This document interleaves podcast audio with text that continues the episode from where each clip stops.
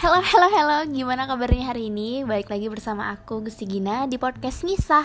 Dan kali ini aku juga mau lagi-lagi ngajak kalian ke segmen Insight. Di sini aku bakal berbagi seputar cerita dan juga sudut pandang psikologi itu seperti apa. Oke, langsung aja, ini mungkin setiap manusia aku yakin banget sih ngalamin. Karena manusia mana sih yang gak ada masalah? Manusia mana sih yang gak ada cobaan ujian musibah derita? Dalam bentuk apa pun aku yakin setiap manusia pernah ngalamin baik itu kecil ataupun besar. Nah bedanya tinggal relativitas aja sih lagi. Mungkin bagi aku itu sebuah masalah besar tapi bagi kamu itu masalah kecil ataupun sebaliknya gitu loh tapi kenapa sih satu masalah misalnya nih ya patah hati gitu dihianatin sama orang paling disayang dicinta aduh gila sih cinta banget pokoknya tapi ternyata dihianatin. Kasusnya sama kasusnya sama tapi ada orang yang bisa sembuh gitu bisa lego terus bisa ya udah lah ya dia udah nggak cinta lagi. Sedih sih hati aku sedih. Tapi ya udah aku move on gitu. Dengan relatif cepat waktunya nggak berlama-lama gitu. Tapi ada juga orang yang sampai bisa dibilang sedih berkepanjangan terus merasa terpuruk bahkan sampai depresi gitu kan. Dan lama atau bahkan dia trauma dan nggak bisa jatuh cinta lagi. Itu ada gitu ada dan memang ada. Sebagian teman-temanku aku sendiri pun pernah mengalami yang namanya patah hati. Aku ngambil contoh patah hati karena menurut aku mostly people pasti ngar pernah ngerasain ini gitu. Walaupun banyak lagi kejadian-kejadian di hidup kita yang mungkin lebih traumatis yang lebih sedih yang lebih menyakitkan. Tapi ternyata sadar nggak sadar kalau misalnya kamu bisa melewatinya dan kamu merasa oh ya udahlah ya aku bisa bangkit dari sini gitu itu ternyata ada istilahnya loh di psikologi. Dan ternyata kamu sebagai pribadi yang bagus gitu secara mental. Tapi kalau misalnya kamu nggak bisa dan rasanya masih sampai sekarang kok aku kayak galauin terus ya nggak bisa maju-maju gini-gini aja terus hidupku mikirin masalah itu. Baik itu patah hati kayak masalah keluarga kayak meras masalah keuangan kayak apa pun gitu. Tapi cuman itu kerasa membelenggu kita dan kita nggak bisa bangkit dari sana. Itu artinya kamu pasti dengerin podcast ini. Karena aku bakal ngebahas tentang sebuah istilah yang mungkin bagi sebagian orang yang suka baca-baca gitu ya bahkan di bacaan berita atau apa kata ini tidak begitu asing lagi yaitu resilience. Kalau misalnya bahasa Indonesia itu resiliensi. Tapi kalau bahasa Inggrisnya resilience sama aja biasa lah kata serapan. Nah sebenarnya resilience ini apa sih gitu kan? Resilience kayak asing gitu. Apa artinya? Intinya jadi si resilience ini pertama kali diformulasikan sama blog dan dia ngasih nama ego resilience. Artinya itu kemampuan umum diri kita gitu untuk menyesuaikan diri dengan tinggi luas saat ada tekanan kehidupan baik tekanan dalam diri ataupun dari luar. Jadi akhirnya berkembang berkembang berkembanglah istilah resilience ini. Jadi banyak tokoh-tokoh yang kemudian mendefinisikannya gitu. Intinya itu tadi pokoknya kalau misalnya kita ada tekanan hidup dan kita bisa melewatinya dengan stabil, dengan sehat gitu. Peristiwa-peristiwa yang traumatis tersebut artinya resilience kita bagus. Kita berada pada tingkat resilience diri yang baik. Nah, dengan begitu kita bisa berpikir lebih logis, lebih rasional gitu. Nah, terus kenapa orang gak bisa berpikir atau bisa menghadapi kegiatan eh, kegiatan tekanan hidup kegiatan lagi tekanan hidup yang memang bikin trauma gitu. Misalnya aku bikin kasus enggak eh, usah kasih deh contoh contoh aku aja deh ya biar lebih mudah. Tapi ini belum tentu benar sepenuhnya ceritanya ini cuman sebagai contoh. Nah misalnya aku punya pacar punya pacar aku benar-benar jatuh cinta. Sebutlah cinta pertama misalnya. Biasanya kan cinta pertama tuh kayak menggebu-gebu gitu kan. Bener-bener wah uh, gitu. Mas, maksudnya sensasinya bener-bener luar biasa. Nah terus pacaran. Cinta banget nih hubungan baik segala macam. Di waktu yang bersamaan ternyata keluarga aku punya masalah. Punya masalah misalnya uh, orang tua bercerai gitu anggaplah usianya masih usia aku masih anak SMA yang masih masih pencarian jati diri gitu kan. Masih mencoba mengenali dunia dan baru mengenal cinta. Baru aja nih ngerasain kebahagiaan. Selama ini juga keluarga adem ayem nggak kenapa-napa. Tiba-tiba keluarga bruk, bercerai. Orang tua bercerai. Dan ternyata ekonomi aku langsung jatuh karena orang tua bercerai ekonomi simpul siur segala macam yang tadinya aku naik mobil ke sekolah tiba-tiba aku harus naik ojek misalnya atau aku jalan kaki. Capek banget kan secara physically terus aku juga berhubungan dengan pacar aku yang tadinya baik-baik aja. Tiba-tiba eh kayak ada aja alasan buat berantem ada aja berantem Padahal aku pengennya nih pacar bisa jadi pelarian biar aku lebih senang. Tapi ternyata ada masalah. Lama kelamaan pacar ternyata mengkhianati aku. Ternyata dia selingkuh gitu misalnya. Sakit hati kan. Udah jatuh kata orang tertumpuk tangga lagi gitu. Udah keluarga cerai, orang tua cerai. Adik, saudara, kakak bercerai-berai juga misalnya. Ekonomi jatuh terus pacar selingkuh gitu. Ya not gila sih. Itu pasti kalau pada umumnya sedih kan. Sedih banget luar biasa. Tapi kalau misalnya aku ternyata tidak bisa melewati itu kemungkinan besar aku akan frustasi stres. Nggak cuma secara psikologis tapi juga secara fisik. Bisa sakit ini kenapa ada orang-orang yang sampai kalau ada tekanan masalah bisa masuk rumah sakit gitu kan. Karena dia penyakit itu bisa dimulai dari psikologis. Jadi kalau misalnya tekanan ini itu berpengaruh gitu loh ke sistem fisiologis kita. Nah si Wenner, Amy Wenner ini dalam psikologi, dia menggunakan istilah resiliensi itu menggambarkan tiga fenomena jadi yang pertama adalah perkembangan positif. Jadi ini dihasilkan oleh orang-orang yang hidup dalam konteks risiko tinggi. Misalnya orang-orang yang hidupnya uh, miskin gitu kan, kurang berada atau terbiasa dengan perlakuan kasar orang tua segala macam. Dari kecil dia udah begitu tuh itu udah biasa aja gitu. Kalau misalnya ada tekanan hidup tuh ya udah gitu loh ke depannya udah udah biasa ngerasain itu. Tapi dalam kasus aku yang tadinya keluarga baik-baik aja yang adem ayem mama papa baik gitu kan terbiasa dengan hal-hal yang lembut tiba-tiba ada kejadian yang bam gitu menghantam kehidupan. Tentunya itu sulit buat aku beradaptasi dengan kegiatan itu kegiatan dengan trauma dengan kejadian itu. Dari tadi kok salah ngomong terus Eke terus ada juga fenomena resiliensi kompetensi. Jadi ini kemungkinan muncul di bawah tekanan yang berkepanjangan. Nah ini ini adalah contohnya kayak aku tadi. Kayak misalnya perceraian orang tua. Jadi karena peristiwa-peristiwa perceraian segala macam yang tadinya aku sedih gitu kan. Sedih banget depresi segala macam lama kelamaan udah bisa menerima oh ya udahlah ya.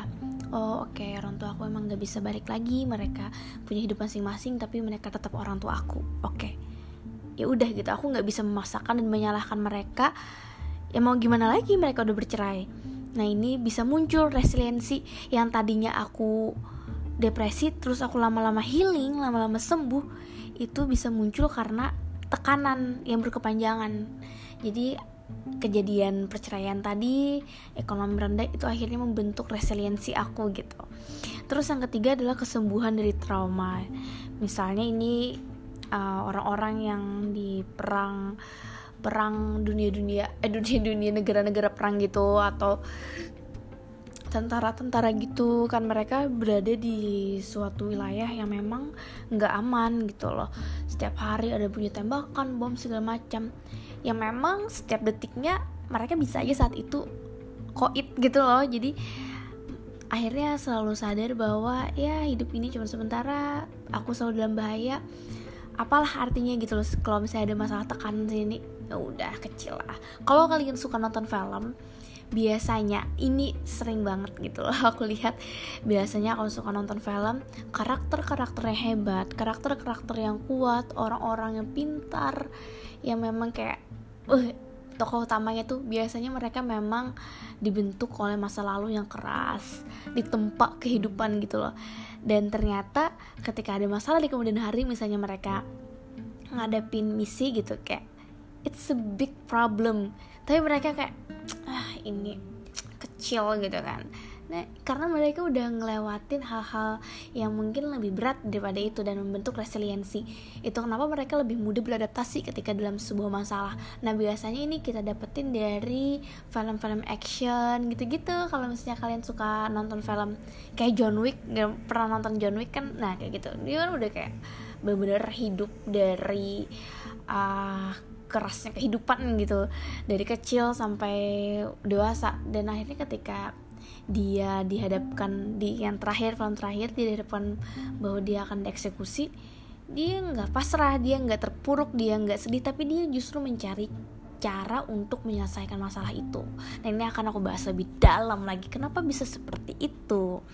Sebenarnya uh, yang aku bilang tadi kenapa kita bisa seperti itu ternyata ada karakter-karakteristik bahwa individu itu bisa beradaptasi dengan baik, menghadapi masalah, mengatasi segala hambatan gitu, dan bisa mengembangkan potensi kita sendiri. Jadi ini yang pertama adalah karakteristik insight. Nah, insight ini kayak segmen podcast aku ya, insight. insight adalah kemampuan mental kita untuk bertanya kepada diri sendiri dan menjawab dengan jujur. Jadi kalau misalnya kita ada masalah gitu kan. Misalnya tadi kayak aku uh, putus sama pacar aku dan dihianatin aku nanya gitu loh sama diri aku sendiri uh, ini kenapa? Hubungan aku kenapa? Dan aku bisa menjawab menjawab dengan jujur dan akhirnya bisa menyelesaikan situasi. Oh ternyata emang dia selingkuh mungkin karena aku tidak bisa dengan baik berhubungan dengan dia karena aku juga lagi ada masalah ya udahlah ya misalnya kayak gitu. Terus ada juga kemandirian. Nah kemandirian ini gimana cara kita secara fisik ataupun emosional ya bisa uh, dari masalah sumber hidup itu jadi kita udah bisa mandiri gitu loh. Kita nggak ketergantungan sama orang lain kita bisa melibatkan kemampuan buat menjaga keseimbangan nih antara diri kita dan sama orang lain peduli sama orang lain. Kita bener-bener ya definisi mandiri itu pasti kalian ngerti lah definisi mandiri. Nah terus ada juga karakteristik hubungan. Jadi seseorang yang memang resiliensinya bagus itu dapat mengembangkan hubungan yang lebih jujur, saling mendukung, berkualitas bagi kehidupan dia, hidup orang lain, dan punya role model yang sehat. Role model itu orang yang menginspirasi. Jadi kalau misalnya kamu punya tokoh gitu kan, dan kamu merasa wah aku pengen deh kayak gitu dia, atau kamu suka nonton film dan ada karakter tokoh, wow she's great and I wanna be like her misalnya ya itu bisa jadi jadi motivasi kita juga lah ya karena itu bisa meningkatkan optimisme kita. Terus ada juga inisiatif. Jadi karakter inisiatif ini ini melibatkan keinginan untuk bertanggung jawab atas kehidupan kita sendiri jadi kalau misalnya kasus aku tadi yang jatuh uh, jatuh gitu keterpurukan dari ekonomi keluarga terus ditinggal pasangan gitu kan aku nggak terus menerusan bersedih aku nggak terus terusan terpuruk tapi aku ada inisiatif. Oh ini kehidupan aku. Aku yang memutuskan aku mau jadi seperti apa aku mau menjadi apa. Ini gimana masalahnya? Gimana aku harus seperti apa meningkatkan kemampuan aku untuk beradaptasi gitu kan? Ada inisiatif jadi memang ada keinginan. Kalau misalnya kamu atau kita ketika ada masalah memang tidak ada keinginan biar lebih baik lagi dan mengatasinya ya nggak bakal bisa tuh. Jadi kalau misalnya kamu ya punya temen nggak bisa move on dan dia kayak sedih sedih terus kamu sudah semangatin semangatin kayak sampai berbusa gitu mulut kamu tapi kalau dia nggak ada inisiatif buat move on buat memperbaiki hidupnya itu tetap akan sangat susah. Jadi sulit. Itu kenapa kata orang orang patah hati itu sama kayak orang jatuh cinta. Budek gak bisa dibilangin. Kecuali udah mulai rasional. Nah terus ada juga karakter kreativitas. Jadi orang-orang yang hidupnya memang banyak luka gitu secara luka batin luka apalah tempat kehidupan ini biasanya lebih mampu berpikir banyak pilihan berpikir secara oh ini konsekuensinya ini alternatifnya ini. Dia bisa tidak terlibat dalam perilaku-perilaku negatif karena dia bisa mempertimbangkan konsekuensi. Jadi misalnya nih ya kalau orang mikirnya broken home aku dulu aku kan emang broken home kan orang nanya kayak kamu yakin nggak ngapa-ngapain? Kamu nggak ke diskotik? Kamu nggak ini? Kamu nggak itu nggak ngerokok segala macam gitu loh. Itu pas aku kuliah sih. Kalau teman-teman SMA aku SMP aku udah udah tahu aku emang orangnya nggak gitu gitu. Mereka tuh kayak nganggep anak broken home itu identik dengan kenakalan remaja. Karena memang di lapangan emang banyak seperti itu gitu loh. Aku emang tahu. Tapi bagi orang yang resilience merasa percaya diri seketika. Jadi kemungkinan besar resiliensi resiliensi aku itu emang dari remaja udah bagus gitu loh. Aku udah bisa konsekuensi dari setiap perilaku itu apa. Jadi ketika aku sedih aku marah gitu sama keadaan ya walaupun pernah terpikir oh kenapa aku nggak cari kesenangan di luar gitu apa gitu kan aku mikir oh konsekuensinya ini nih nggak bagus buat diri aku. Ini nggak bagus nggak usah. Alternatifnya aku bisa menyenangkan diri aku dengan temenan dengan nonton film atau apa pun gitu. Itu ketika orang yang tidak punya resiliensi yang baik dia bakal ngambil itu tanpa berpikir alternatifnya apa. Aku pengen ke diskotik biar seru bisa goyang bisa joget terus aku lupa seketika sama masalah aku gitu dia nggak mikir konsekuensinya apa resikonya apa gitu. Tapi dia ngelakuin yang penting bisa mengalihkan pikiran dari masalah-masalah dia. Padahal kalau dia berpikir alternatif dia bisa mikir oh kan kalau traveling juga bisa mengalihkan pikiran. Kan kalau kumpul-kumpul sama teman berbekyun atau apa juga bisa. Atau ngapain gitu kan melakukan hobi-hobi lainnya. Begitu. Jadi memang harus ada uh, kreativitas dalam berpikir, dalam mengarahkan kehidupan. Nah, terus juga ada humor. nah, humor ini orang yang bisa melihat sisi lain dari kehidupan. Jadi semacam bisa menemukan bahagia. To be honest ya, kalau misalnya kamu temen deket aku yang memang deket banget, udah tau lah aku tuh paling sering ketawa, aku tuh orang ya sesulit apa pun hidup kayak mas ya bisa dibilang bahkan suamiku aja bilang aku pernah nanya sama dia kamu kenapa sih milih aku gitu? Kenapa sih suka sama aku terus dia bilang karena kamu itu lucu dan selalu bikin aku ketawa. Tapi nggak tahu ya maksudnya mungkin selera humor aku ini cukup tinggi. Jadi kalau misalnya di keadaan-keadaan genting pun dalam kehidupan aku aku masih bisa melihat sisi terang masih bisa melihat uh, kehidupan sisi lain gitu loh. Bahwa ada sisi-sisi yang memang bikin aku ketawa. Nggak bikin aku bisa bahagia meskipun sedang kolaps nih. Bukannya di sini aku mau sharing aja bukannya aku mau ngumbar uh, buat dikasihani atau apa aku paling nggak suka dikasihani ya. Tapi aku justru mau sharing gitu sama teman-teman.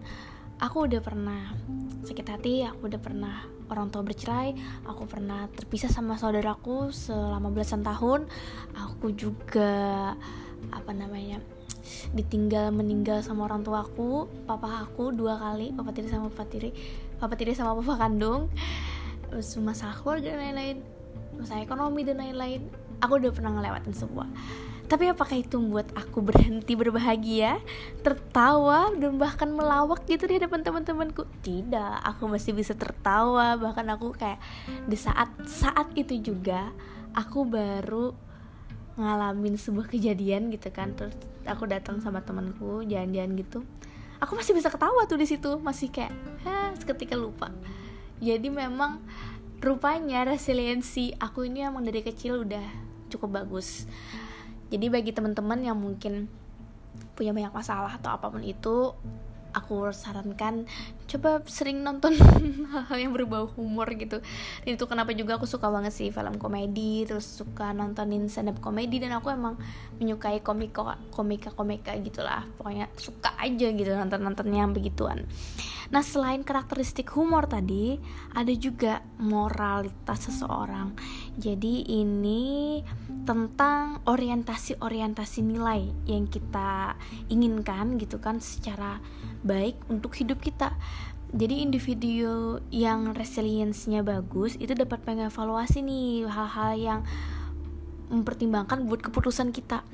Tanpa rasa takut akan pendapat orang lain. Jadi ini tentang moralitas kita gitu loh. Kita juga bisa dapat mengatasi kepentingan diri sendiri dalam membantu orang lain yang membutuhkan segala macamnya. Kalau aku makanya aku nggak ini sih maksudnya cerita. Aku bahkan ya dulu kalau misalnya ada masalah aku temen aku sih kan suka bantuin. Kayak aku sempat nggak ada motor nggak ada apa apa sekolah eh sekolah kuliah. Temen aku tuh ada uh, Shiva namanya. Dia tuh suka ngejemputin aku gitu mau bantuin gitu loh. Ya aku nggak apa-apa aku senang dan aku merasa dia bisa membantu aku tanpa dia memandang aku apa-apa segala macam. Dan aku pun cerita aku emang nggak ada motor motor aku dijual segala macam aku nggak bisa kuliah. Ternyata dia mau ngebantu.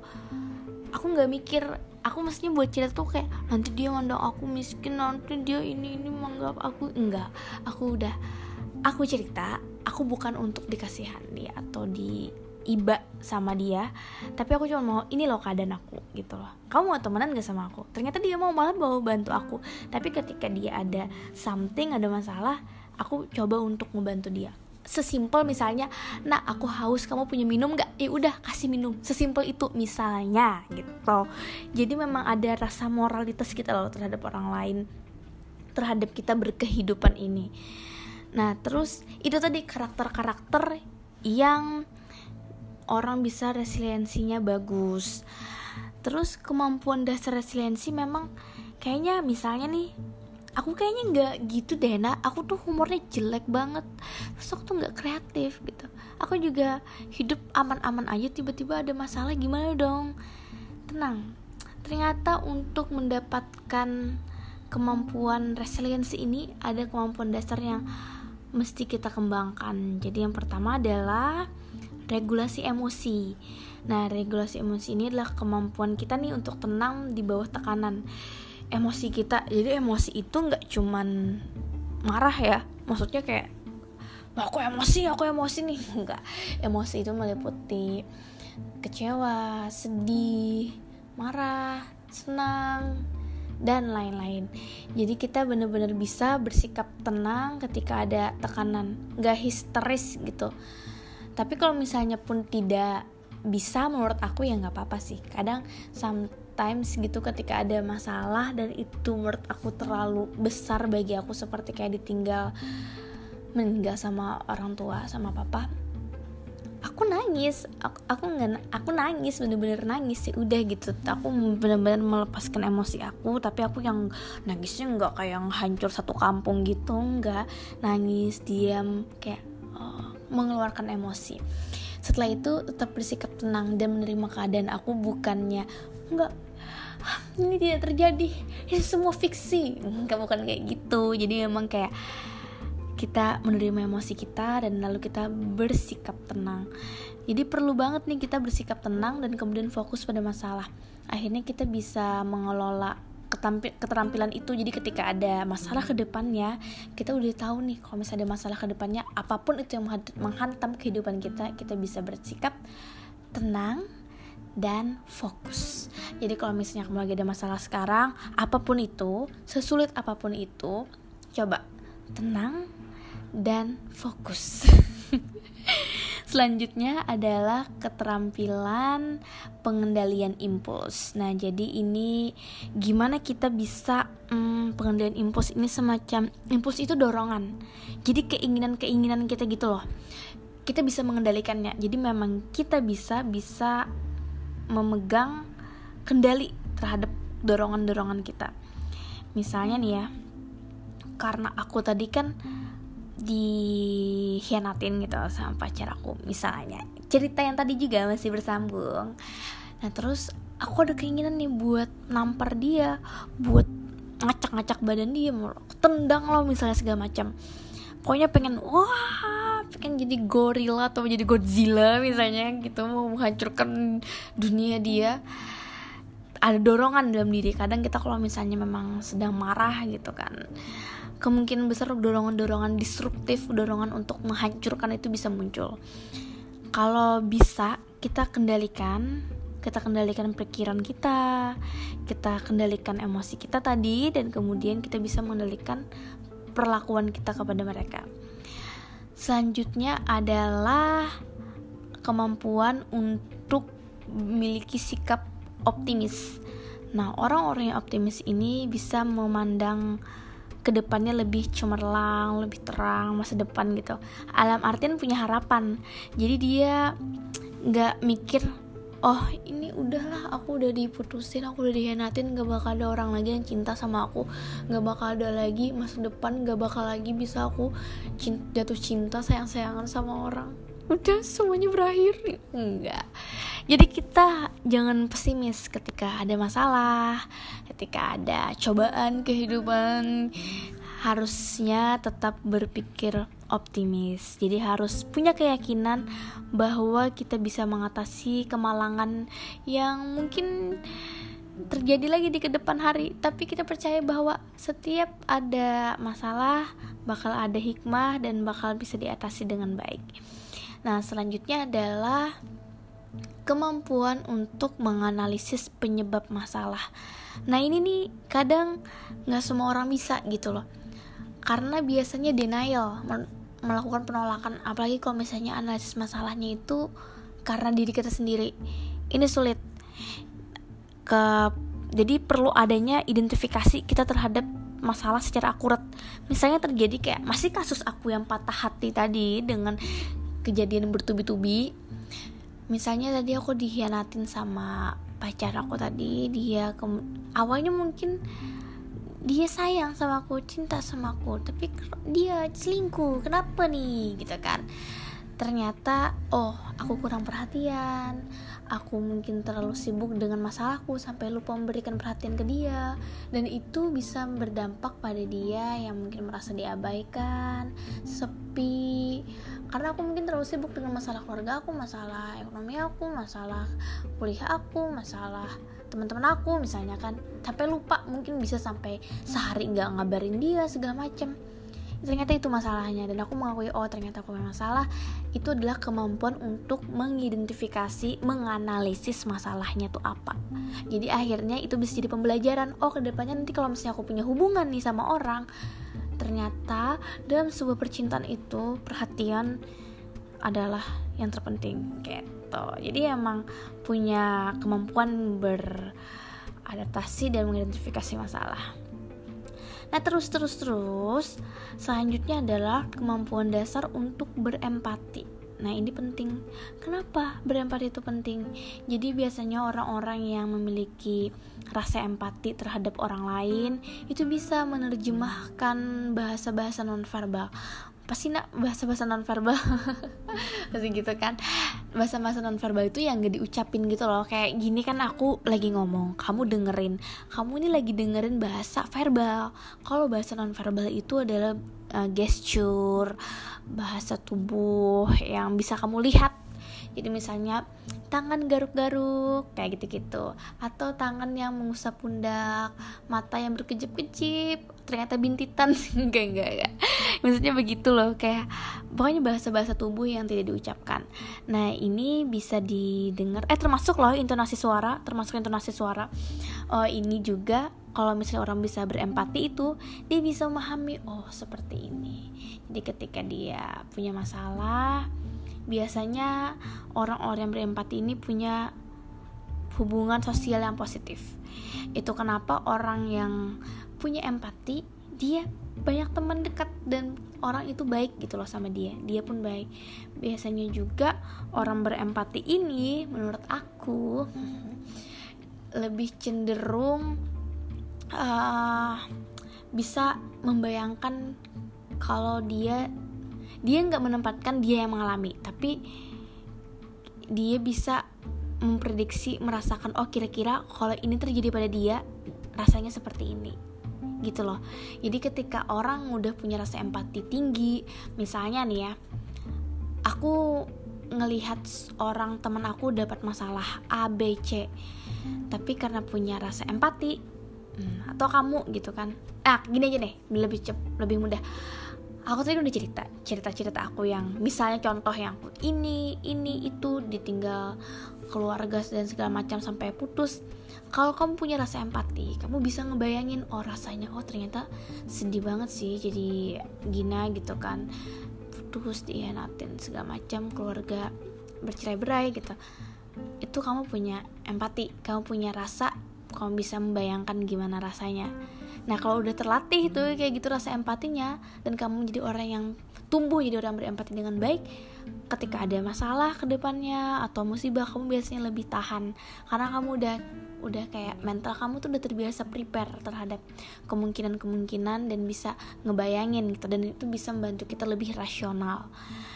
Dan selanjutnya adalah efikasi diri. Kalau efikasi diri ini adalah keyakinan kita terhadap keyakinan kita terhadap kemampuan kita sendiri. Jadi kita bisa memecahkan dan menghadapi masalah secara efektif. Kalau dia udah bilang kan ada kemampuan dasar yang menganalisis masalah. Jadi misalnya nih bisa secara rasional oh ini masalahnya ini ternyata penyebabnya ini. Cuman kalau nggak punya efikasi diri ya sulit juga. Efikasi diri adalah keyakinan. Kamu bisa berpikir secara mantap itu masalahnya solusinya apa tapi kamu nggak yakin itu benar dan nggak yakin itu bisa menyelesaikan masalah ya sulit juga gitu kan. Jadi memang perlu ada keyakinan terhadap diri kita sendiri. Jadi memang punya efikasi diri gitu loh. Dan ini juga punya komitmen akhirnya memecahkan masalah. Karena tidak mudah menyerah dan menemukan strategi-strategi yang mungkin berhasil karena dia yakin jadi kalau misalnya optimis keyakinan diri bisa menyelesaikan masalah dan lain-lain tadi udah tergabung jadi satu. Wah kamu udah bisa tuh jadi resiliensi diri. Dan yang terakhir adalah reaching out. Kayak emailku aja deh biasanya aku bal balasnya tuh kayak thanks for reaching out. Nah reaching out ini adalah uh, ketika kemampuan untuk mengatasi kemalangan kita kan tadi kan bangkit dari keterpurukan. Tapi resiliensi itu lebih dari itu gitu loh. Jadi lebih kepada aspek positif dari sebuah keterpurukan yang terjadi pada diri kita. Dan kita bisa bisa apa ya secara keseluruhan tuh kita bisa bangkit. Secara mentally secara physically kita bisa sehat di tengah-tengah ke haru biruan masalah gitu. Jadi kalau misalnya diagram resiliensi ini akan dibentuk nih sebenarnya anak ini video kalau misalnya masa-masa psikologis gini bulat di tengah itu ada resiliensi di samping-sampingnya yang bisa membentuk dan men akhirnya menjadi satu menguatkan itu pertama tadi adalah kepercayaan diri terus ada social support. Social support ini itu kenapa penting banget? Social support ini bisa didapat dari teman sahabat kerabat dan keluarga. Kemampuan beradaptasi dan kemampuan untuk menentukan tujuan. Jadi kalau kita udah punya kepercayaan diri social support bisa beradaptasi dan kita tahu nih dari masalah ini tujuan hidup kita apa gimana kita mengatasinya kita bisa berresiliensi dengan baik. Nah, akhirnya ke depannya dari resiliensi ini, ini bisa ada fungsinya gitu. Kita bisa mengurangi resiko-resiko konsekuensi negatif di kemudian hari. Jadi kalau misalnya ada kejadian negatif lagi atau kejadian traumatis dan menyedihkan di kemudian hari gitu, kita udah bisa oh kalau misalnya aku begini nih resikonya gini nih. Kalau aku misalnya bersikap kayak gini kayak gini nih. Aku mestinya kayak gini. Hmm, gitu. Terus ada juga bisa mengurangi kemungkinan reaksi rantai reaksi kehidupan yang negatif. Jadi kita bisa orang dewasa tuh ya aku entah kenapa aku makin dewasa aku ngerasa aku makin sering begini ya udahlah. Ya udah gitu loh. Kalau dulu tuh mungkin aja aku masih kayak komplain atau apa pun ketika situasi tidak sesuai dengan keinginanku. Tapi kalau sekarang tuh ya udah. Ya udahlah ya. Ya udah. Yang emang gitu gitu. Kalau kalian udah umur 25 atau 20-an ke atas saja kan bisa ngerasa gak sih bedanya umur 20-an sama belasan tahun dulu? Karena kita udah punya resiliensi mungkin yang lebih meningkat dari sebelum-sebelumnya dan kita juga bisa resiliensi ini meningkatkan kesempatan untuk berkembang. Karena misalnya kalau kalau kasus aku tadi aku terus-terusan terpuruk terluka terhambat kehidupanku gitu kan. Aku nggak bisa berkembang aku mungkin nggak bisa jadi aku yang sekarang. Aku nggak bisa melakukan hobi-hobi aku gitu. Aku nggak bisa bergabung dengan kegiatan-kegiatan yang akhirnya mengekspor kemampuan diri aku. Itu kenapa resiliensi ini bisa meningkatkan kesempatan kita untuk berkembang menjadi lebih baik. Nah terus ah capek ngomong Eko. Dan terakhir resiliensi ini bisa membantu kita menjaga harga diri dan rasa mampu diri. Karena kita merasa bisa menghadapi kemalangan gitu kan keterpurukan hidup ini bikin kita kayak wow kita lebih respect sama diri kita. Dan kita merasa kita lebih baik dan sikap orang pun melihat kita oh dia orang yang kuat. Makanya ada istilah hidup itu nggak jadi lebih mudah sebenarnya tapi hidup itu membuat kita lebih kuat jadi bukan hidup yang artinya setelah banyak kejadian traumatis, setelah banyak kejadian tragis di kehidupan kita, bukan berarti ke depannya akan mudah, bukan. Mungkin sama aja atau bisa, bisa lebih parah gitu kejadiannya. Cuman kita lebih kuat aja menghadapinya. Itu. Dan akhirnya gimana sih cara-cara tahapan resiliensi itu Gina? Gitu udah panjang lebar aku ceritanya udah berapa menit? Nih aku cek dulu. Udah 37 menit mampus dengerinnya lama banget. Dan menurut si Dil O'Leary kalau nggak salah ya O'Leary dengan siapa gitu temannya menyebutkan bahwa ada empat tahapan ketika orang bisa beresiliensi.